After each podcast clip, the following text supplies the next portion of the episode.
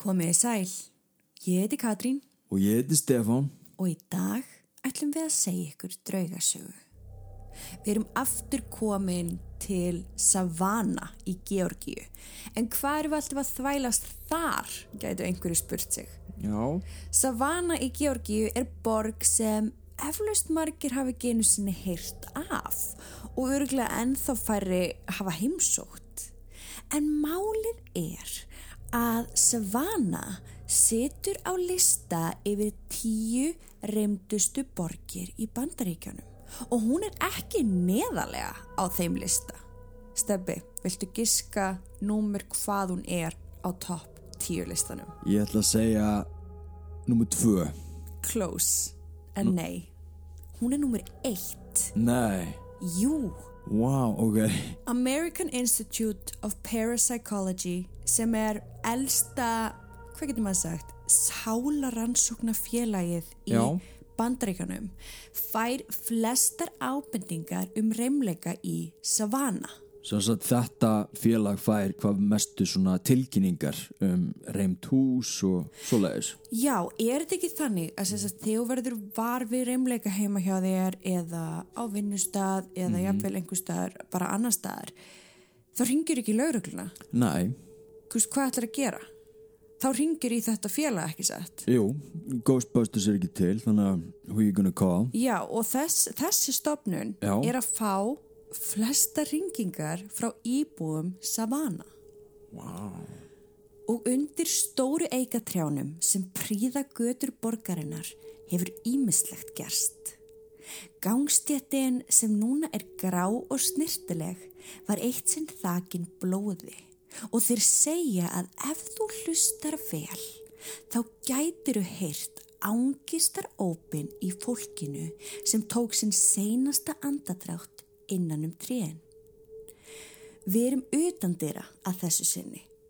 Veri velkomin á Wright torgið.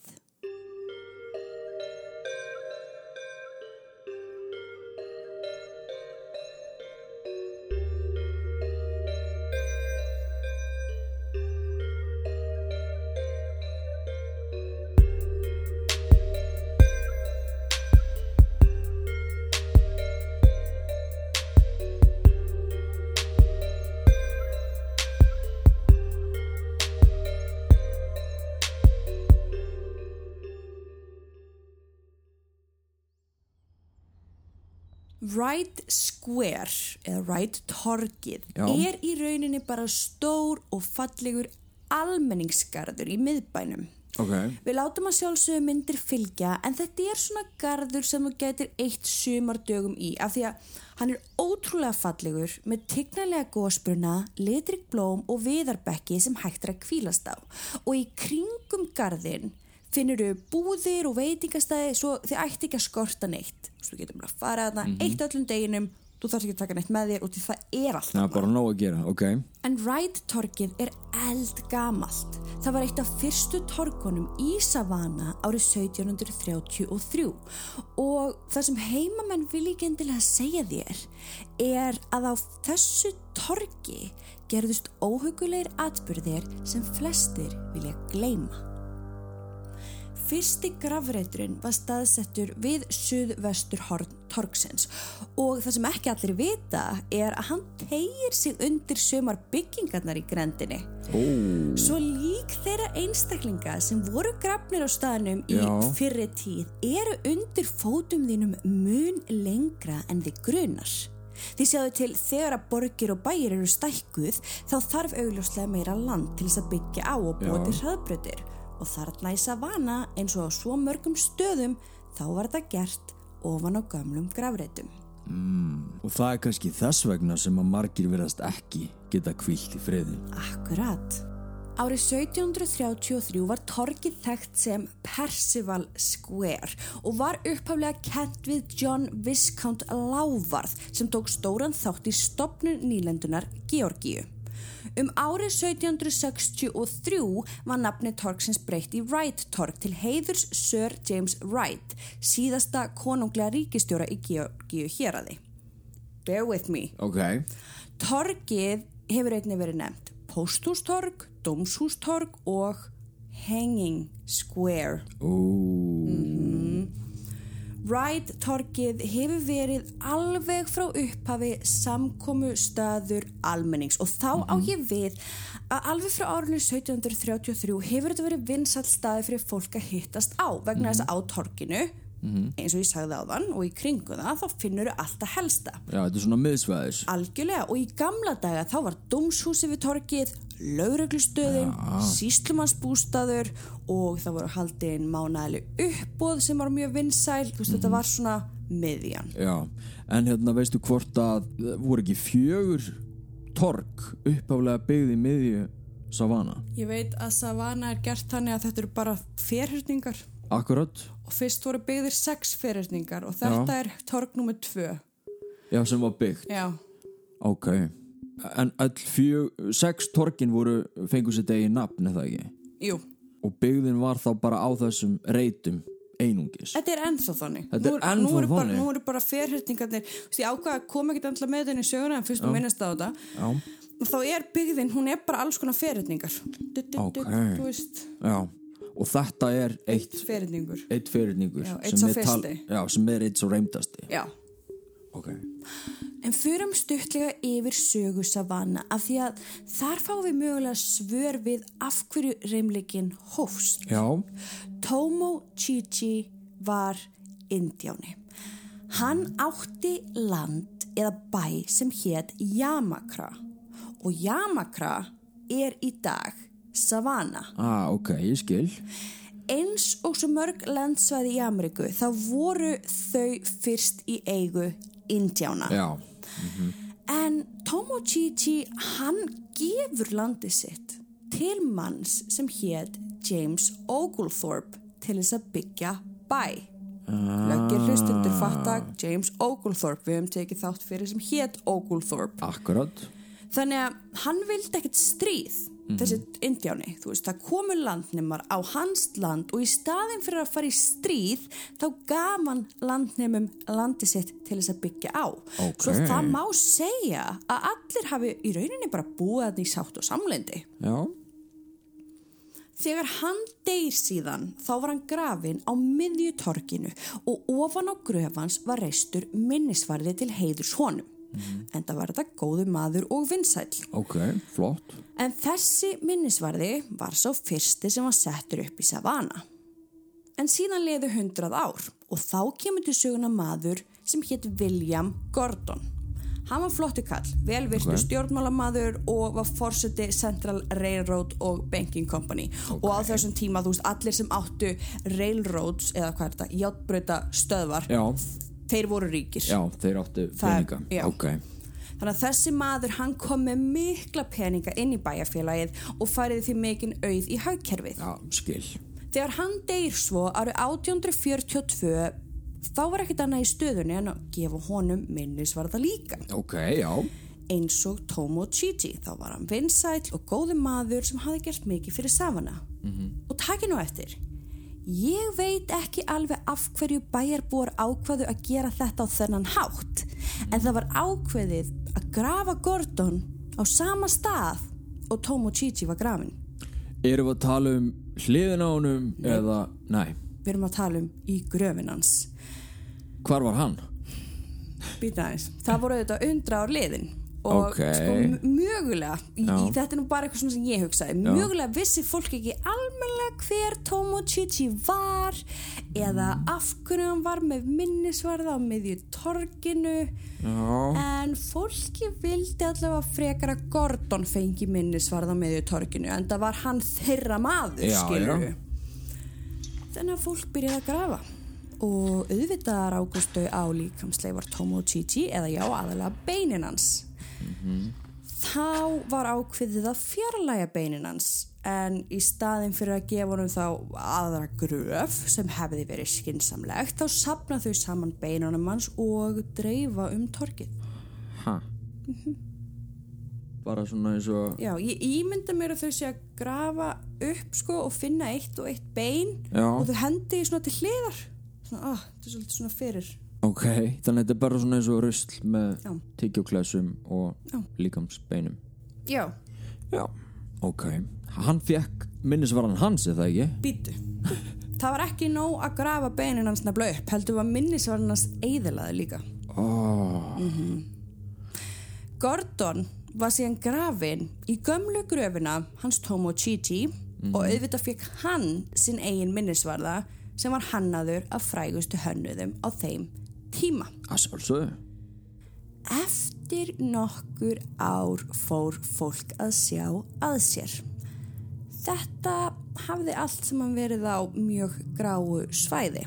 Já. Svo til þess að heiðra Tomo Chichi þá byggðu þau annan minnisvarða fyrir hann úr granítsteini sem stendur nú við suðaustur horn torksins.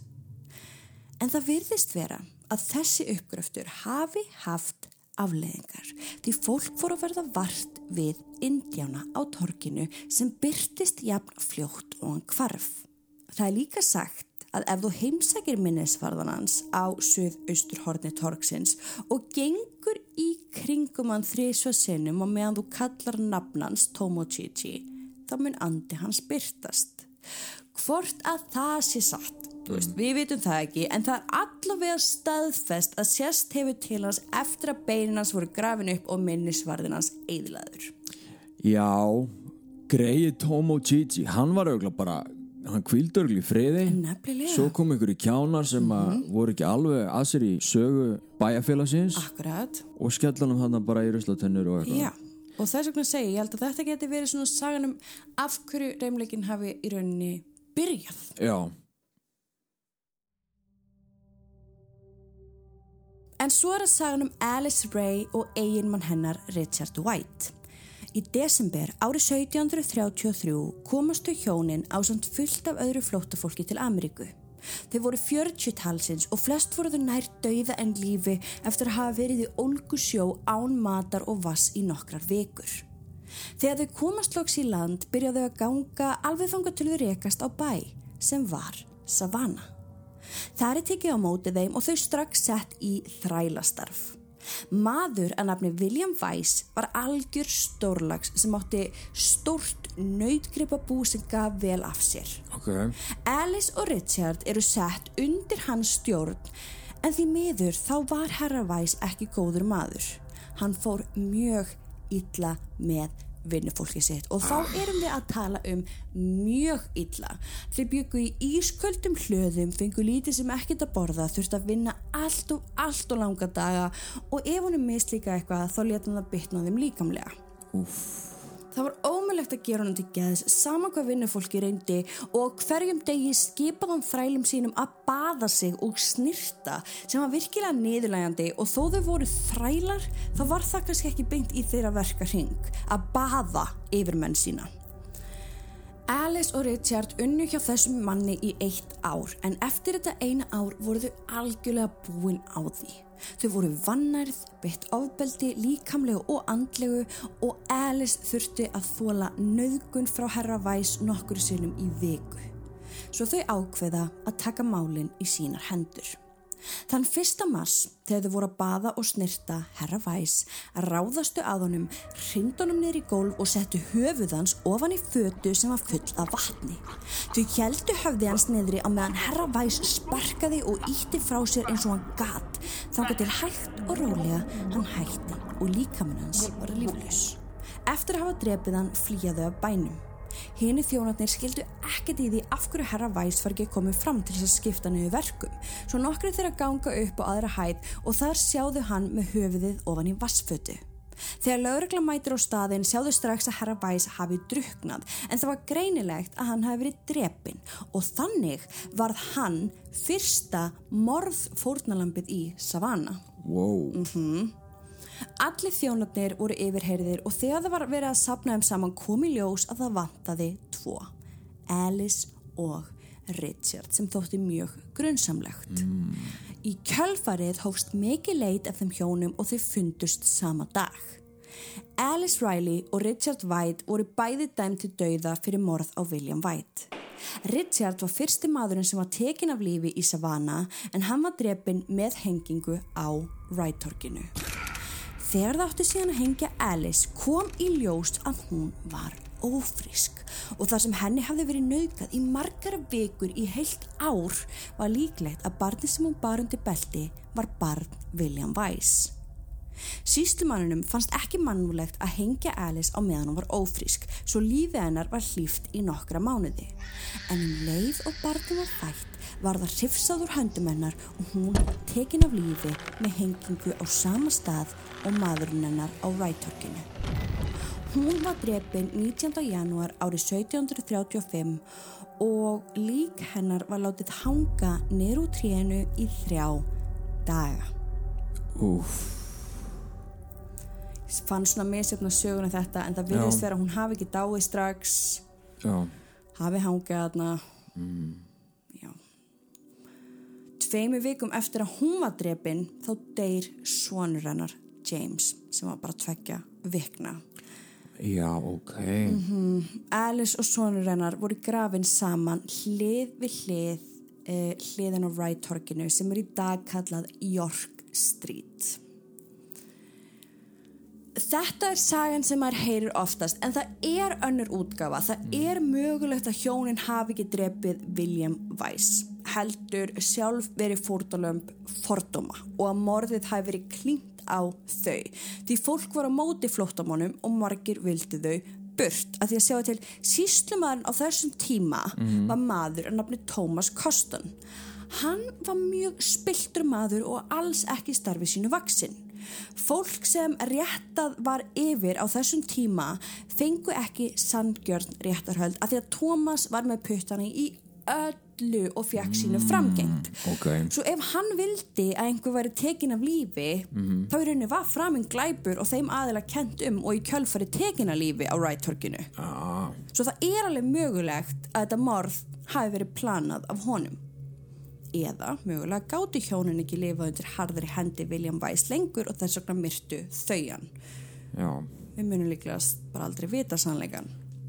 næ, En eftir að Alice Riley var tekin að lífi fór af stað orðrómur í bænum. Hann hljóðaði þannig að Alice hafi stundað galdra og svarta töfra og tekið þátt í alls konar dölvarni starfsemi. En aftur mögulega kom þessi orðrómur frá Thomas sjálfum til þess að taka aðteglina frá sjálfum sér og til þess að réttlega það að hafa tekið hana lífi. Konu sem var nýbúin að fæða barn. ég mitt. Annar orðrómur er að Alice hafi lagt bölvun yfir íbúa Savannah rétt áður hún var hengd. Og það er talið að svo bölvun sé ástæðan fyrir spænska mosanum sem er á flestum eigartrjám í Savannah. Og þá erum við að tala um þessi mosi er á öllum eigartrjám í bænum nema á rættorkinu og góðsögnin er svo að spænski mosin vex aldrei á þeim stað þar sem saklusu blóði hefur verið held. Ok, vá. Áhugavert. Alice hefur líka sérst á torkinu eftir að hún dó. Ungar mæður fullir það að þær hafi séðana og að hún reyni að taka af þeim börnin. Aðrar segjast hafa séð konu í hysteríu kasti að leita sinni sínum James. Þessi kona öskrar og grætur en um leið og einhver ætlar að reyna að hjálpa umingja konunni þá hverfur hún úr auksin. Margir ferðamenn hafa hringt í laurugluna og tilkynnt konu sem er að leita barni á rættorkinu. Hún er greinilega það skýr að ferðamenn vilja hjálpinni en veit ekki hvað þeir hefur að gera annað en að hringja í laurugluna. Já, Ok, fyrst til að byrja með þá mættu lauruglumenn af staðin af því þú veist, maður getur alveg ímynda sér ef þú ert ferðamæður einhver staðar og þú ert að labba á einhverju torki og þú sér allir einhverja konu í hysteríu kastir hlaupand út um allt að reyna leita barninu Já, sinni, já. hvað er að fyrsta sem þú myndir gera og myndir Að sjálfsögðu. þú veist, þú myndir kannski fyrst reyna að tala við hana jafnvel ekki, kannski mm. vilt ekki einu sinni nálgast hana en já, fyrst til að byrja með þá mættu lauruglumenn á staðin en þeir fund aldrei neitt þú veist, þeir fundu hvorki konuna nýja barnið og þetta er vist ennþá að gerast í dag næ, svona símringingar. já, en núna eru nýlegar í lauruglunni sendir í þetta verkefni bara bara djókið því allir vita að það er ekkert að finna Ok, þannig að busarnir eru sendir í Jap. þetta. Það eru alls konar draugaleysuferður í Savannah og fólk hefur haldið að Andi Alice sé leiðsögukona í einni slíkri ferð. Nei, Jú, en um leið og fólk reynar að ná tala af henni, til dæmis bara að þú veist, þú ert túristi, langar Já. til þess að spurja hana hvenær er næsti túr, þá hverfur hún. Íbúr Savannah segja ferðamönnum að varast það að fara með unga börn á torkið að kvöldi til. Því ef sagan er sönn, þá gæti Alice reynd að ná barninu af þér. Eða eld þig alveg þanga til þú yfirgefi torkið.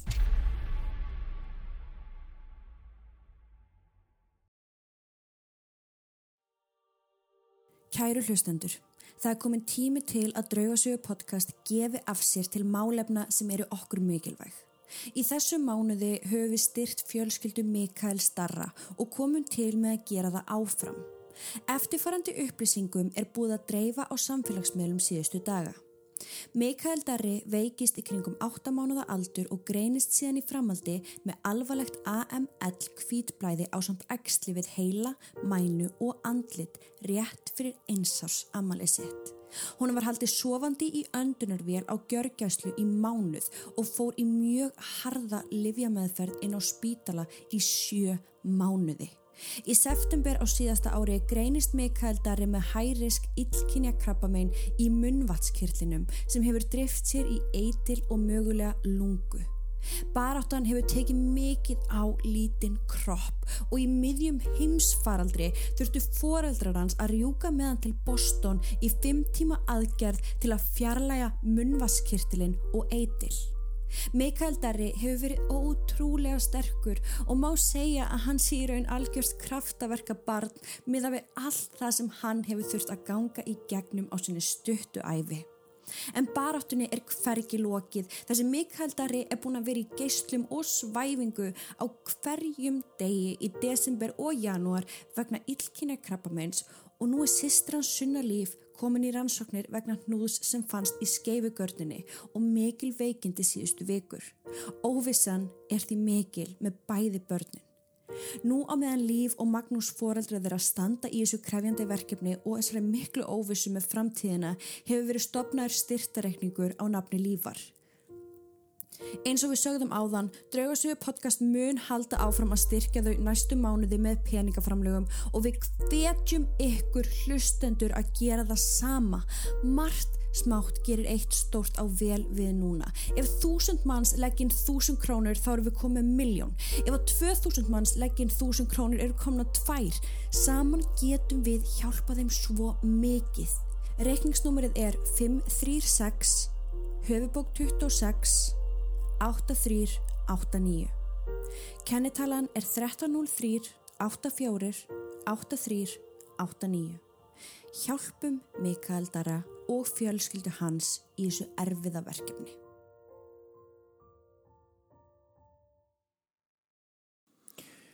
en Alice Riley og Tomo Chichi eru þau nokkuð einu týndu sálunar sem eru hann á torginu?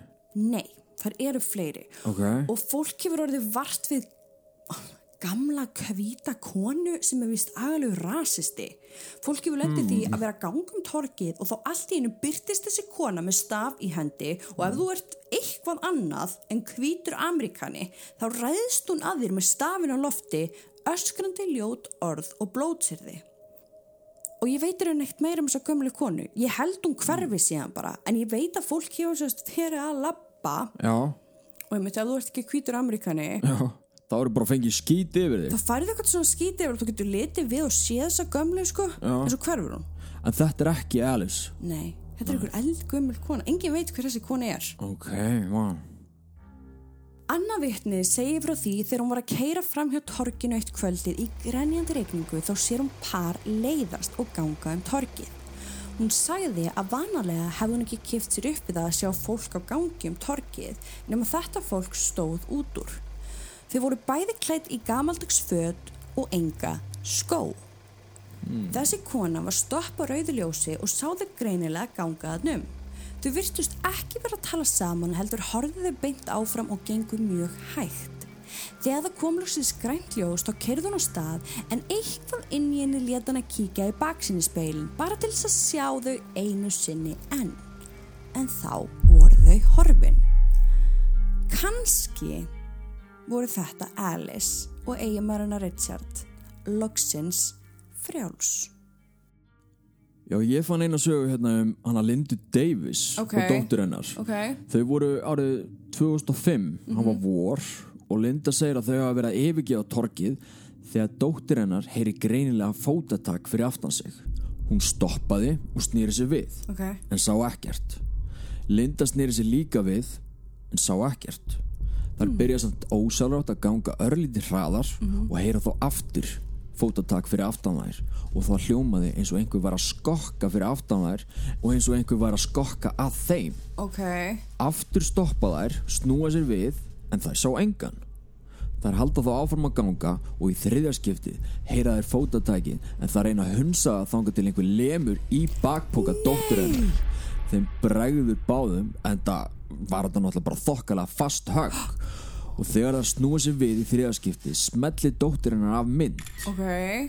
Þegar þær koma svo heim og setja myndina í tölvu sjá þær meðal stórt hnöttótt ljós sem átti sér enga skýringu þessi kúla var hvít og gegnsæ svona eins og bara light phenomena eða ljósögn Ó. þannig það var einhver þarna Það var einhver að pyrra þær þarna. Já, Vá, það er svolítið merkilegt og gott líka að sjá, ná það á mynd, sko. einmitt Og vel gert hjá henni líka að gera það, að þeim Já. greinlega hefur grunað eitthvað. Þú myndir ekkert sko að þú heldur að væri bara einhver, ég veit það ekki, einhver að fara að ráðast á þig. já, einhver sem var í felum bara Já, þá myndir ekki snú, myndir snúða við og taka mynd, ég veit það ekki. Kanski, jú, Kannski. mögulega. En minnst það gott múf hjá henni. Já, Sagfræðingurinn Rebecca Clark rætti ítalega við James Cascay sem sér um drauga leiðsuguferðir á svæðinu. ok Hún sagði hann frá því þegar hún var að fara inn í bílinn sinn eitt kvöldið sem hún hafði lagt við hliðan á rættorkinu Já, uh, og þegar hún nálgaðist bílinn þá fannst henn hún sjá svartan skugga í aftursætinu en þegar hún er komin alveg upp að bílnum var þessi svarti skuggi farin. Hún nær í liklana og opnar bílhurðina en um leið hún opnar finnur hún ískaldan gust koma móti sér. Hún lýsir í þannig að það hafi verið blanka logn þennan dag svo að þessi kaldi gustur var greinilegur en átti engan rétt á sér samt. Og hvað þá að koma út úr bílnum hennar? mm, Hún sest inn í bílinn en getur ekki hrist af sér tilfinninguna að það væri einhver í aftursætinu. Hún fann fyrir nærfuru einhvers en hún sá ekkert. Hún setur bílinn í gang og byrjar að keira en lítur reglulega í baksinnspeilin til þess að aðtöða hvort hún sæ einhvern. Þegar hún var komin nokkuð frá torginu þá fór hún að tellja sér trúum að hún hafi verið að ímynda sér. Það, það, það var enginn í bílnum hennar, það var ekki möguleiki því hann hafi verið læstur. Já, já. Veist, þetta var bara ímyndun, hún var að hræða sjálfan sig og það var allt og sem. Bara típist sem maður gerir, bara hættu þessu. Einmitt Hún keirir af hraðbrautinni og stoppar á rauðu ljósi. En loksins þegar hún var að byrja að hugsa um eitthvað annað en það sem hún hafði séð í aftursætinu, þá finnur hún ískalda hönd taka um öxlina á sér vinstramein og um leið þá öskrar hún. Hún snýr sér við, rýfur af sér öryggisbeltið, opnar hörðina og stekkur út úr bílnum. Hún var að keira í gegnum fyrir ykkar hættulegt hverfi og var stopp á rauðu ljósi með fullt af bílum fyrir aftan sig en henni var alveg sama, það var ekki séns að hún ætlaði aftur inn í bílinn. Vá En auðvitað gekk það ekki upp. Veist, það var komið grænt ljós og hún var að stoppa allir umferð svo hún neyðist til að fara aftur inn í bílinn og keira heim. En um leið og hún var komin í yngjarsluna heima hjá svo stekkur hún út úr bílum aftur, læsir og hleypur inn til sín. Hún var mjög hrætt en hún hafði samt einhvern veginn engan tíma til að vera hrætt af því klukkan var á margt, hún átti að mæta á fundsnefn morgunin eftir og hún var að fara í styrstu og græða sig í ból. Þegar hún var komin undir sæng kemur hundurinn hennar og í þetta skipti ákveður Rebecca að leifa hundinum að sofa uppi hjá sér. Svo smeg var hún. En hún tekur eftir því að þegar hundurinn kemur upp í rúmið þá félur hún sér strax undir senginni og neytar að koma undan henni sem var mjög ólíkt honum. Um nóttina vaknar hún svo við að sjónvarpið er kveikt sem gat varla verið því hún bjó ein og hún hafði ekki verið að horfa á sjónvarpið kvöldið áður. Já. Hún reynir að fá hundin með sér fram í stofu til þess að slökka á sjónvarpinu en hundurinn harð neytar að koma undan sanginni. Hann sér eitthvað annað þetta. Akkurat. Rebecca læðist fram í stofu og sér þá að sjónvarpið er stilt á stöð sem hún vissi ekki einu sinni að hún hefði aðgang að. Ha, Hún tekur upp fjastringuna og slekkur en um leið hún slekkur á sjónvarpinu kviknar á útvarpinu inn í eldúsi. Rebecca stendur graf kér inn í stofu. Hún þorði ekki að reyfa sig. Á endanum tekur hún djúftin andan og læðist inn í eldús. Þar sér hún engan nema ljósin á útvarpinu sem er í gangi. Hún slekkur á útvarpinu og hlustar. Hún átti alveg vona á sjónvarpi fari aftur í gang, en ekkert gerðist. Rebecca gengur þá að rúminu og sér hundin sinn, Bellu, standa stjarfa á rúminu og horfa á veggin. Skottið stóð upp í loft og hún heyrði að hún var að urra. En á hvað? Allt í einu ylvar hún svo hátt, hoppa niður úr rúminu og út úr herberginu. Rebecca þorði ekki fyrir sitt litla líf að fara inn í svefnherbyggið aftur svo hún lokaði því og hún og Bella sváfu restin á nóttunni í sófanum en Rebecca gat auðvitað ekkert sofið. næ, skiljanlega. Hún var núna orðin vissum að einhver hefði fyllt sér heim frá torkinu. Oh, Hún hafði heyrt sögurnar um torkið og hún viss alveg að fólk hefði talað um að það væru andar að ráfa þarna um en Rebecca hafði aldrei lemt í neinu fyrr en núna. Það var greinilega einhver sem fylgdi henni heim. oh, Morgunin eftir fer hún inn á baðherbyrgi að græja sig fyrir fundin en þá ákveður hún að prófa að ávarpa andan. já, Hún segir honum að það sé allt í lagi að hann hafi komið heimsótt til hennar en hún sé núna á leiðinni í bæ aftur og hún vilja hann fari með henni. flott. Hún grýpur töskuna sína og liklana en áður hún lokar útidur á hörðinni byður hún andanum að koma með sér inn í bíl. Vel gert, segi ég. Ok, Henni leið eins og hálfvita Já, já. en hún vissi ekkert hvernig hún ætti að takla þetta. Þegar í bílum var komið var hún ekki viss um hvort hún væri ein eða hvort að andrin hafi hlustað á hana en hún kveikir á útvarpinu og fyrir að syngja með til þess að reyna að hugsa um eitthvað annað. Þegar hún kemur svo loksins að torkinu leggur hún í sama bílastæði og hún hafði verið í daginn áður. Hún setur stjörf og horfir út um framrúðuna. Hún spenni greipar og byður Guð um að hjálpa sér að losna við hann anda sem fylgdi henni heim og svo byður hún andan upphátt um að yfirgefa bílinn sinn. Hún opnar hörðina en áður en hún getur stíð út úr bílnum finnur hún ískaldan gust fara fram hjá sér og út. nei. Jú. Hún var ekki viss hvort þetta hafi verið andina yfirgefa bílanar eða hvort hún hafi verið að ímynda sér þetta einhvern veginn allt saman. Já, já, En hún var allavega ekki verið við þetta aftur og hún lendi heldur ekki í því að sjónvarpið og útvarpið kviknaði sjálfum sér. þessi andi hefur bara hlýtt henni þarna. Og þetta er saga sem að, þú veist, er hérna, sem hún sagði þessum hérna manni sem Já. er að sjá um þess að draugalösu ferðir. Veist, ok, þetta er bara, vá. og þetta er ekkert einstæmi, sko. Nei, en þetta er einmitt, maður er stoltur af henni, hvernig hún tæklar Mhm. þetta. Og einmitt, henni leiði eins og hálfvita, en já, svo nátt að gera þetta. Og Mhm. þetta greinlega virkar. Bara ákveðinni og skýra skipanir. greinilega þarna verið intelligent aðilega Já. ferð, greinilega einhver sem hefur einhvern tíma verið manneskja og hefur dáið Mhm. þú veist ég veit ekki af hverju hann hefur ákveðið að fara með henni af því að þú veist, já en þetta var ótrúlega, þú veist, ótrúlega hvernig hún tæklaði þetta og þú veist, var það einhvern veginn ekki alveg ofrætt Já. Og samt sá að sér einmitt að gera þetta. Mhm. Já, minnst það flott hjá henni. Wright-torkið er eitt fallegasta torkið í Savannah þó að sagan í kringum það sé vissulega grimm. Andarnir virðast eiga erfitt með að kvílast, mögulega vegna þess að grafir þeirra hafa verið raskaðar, Nú eða vegna þess að þeim finnst þeir eitthvað óuppgert. Eins og Alice sem að grætur og leitur að seni sínum. Heimamenn geti ekki annað gert en að lifa í sátt og samlendi með þessum öndum þó að það geti stundum verið erfitt. Þegar þú stendur á miðju torkinu og horfir á tríin er óþægilegt að hugsa til þess að fólk hafi verið hengt í þeim.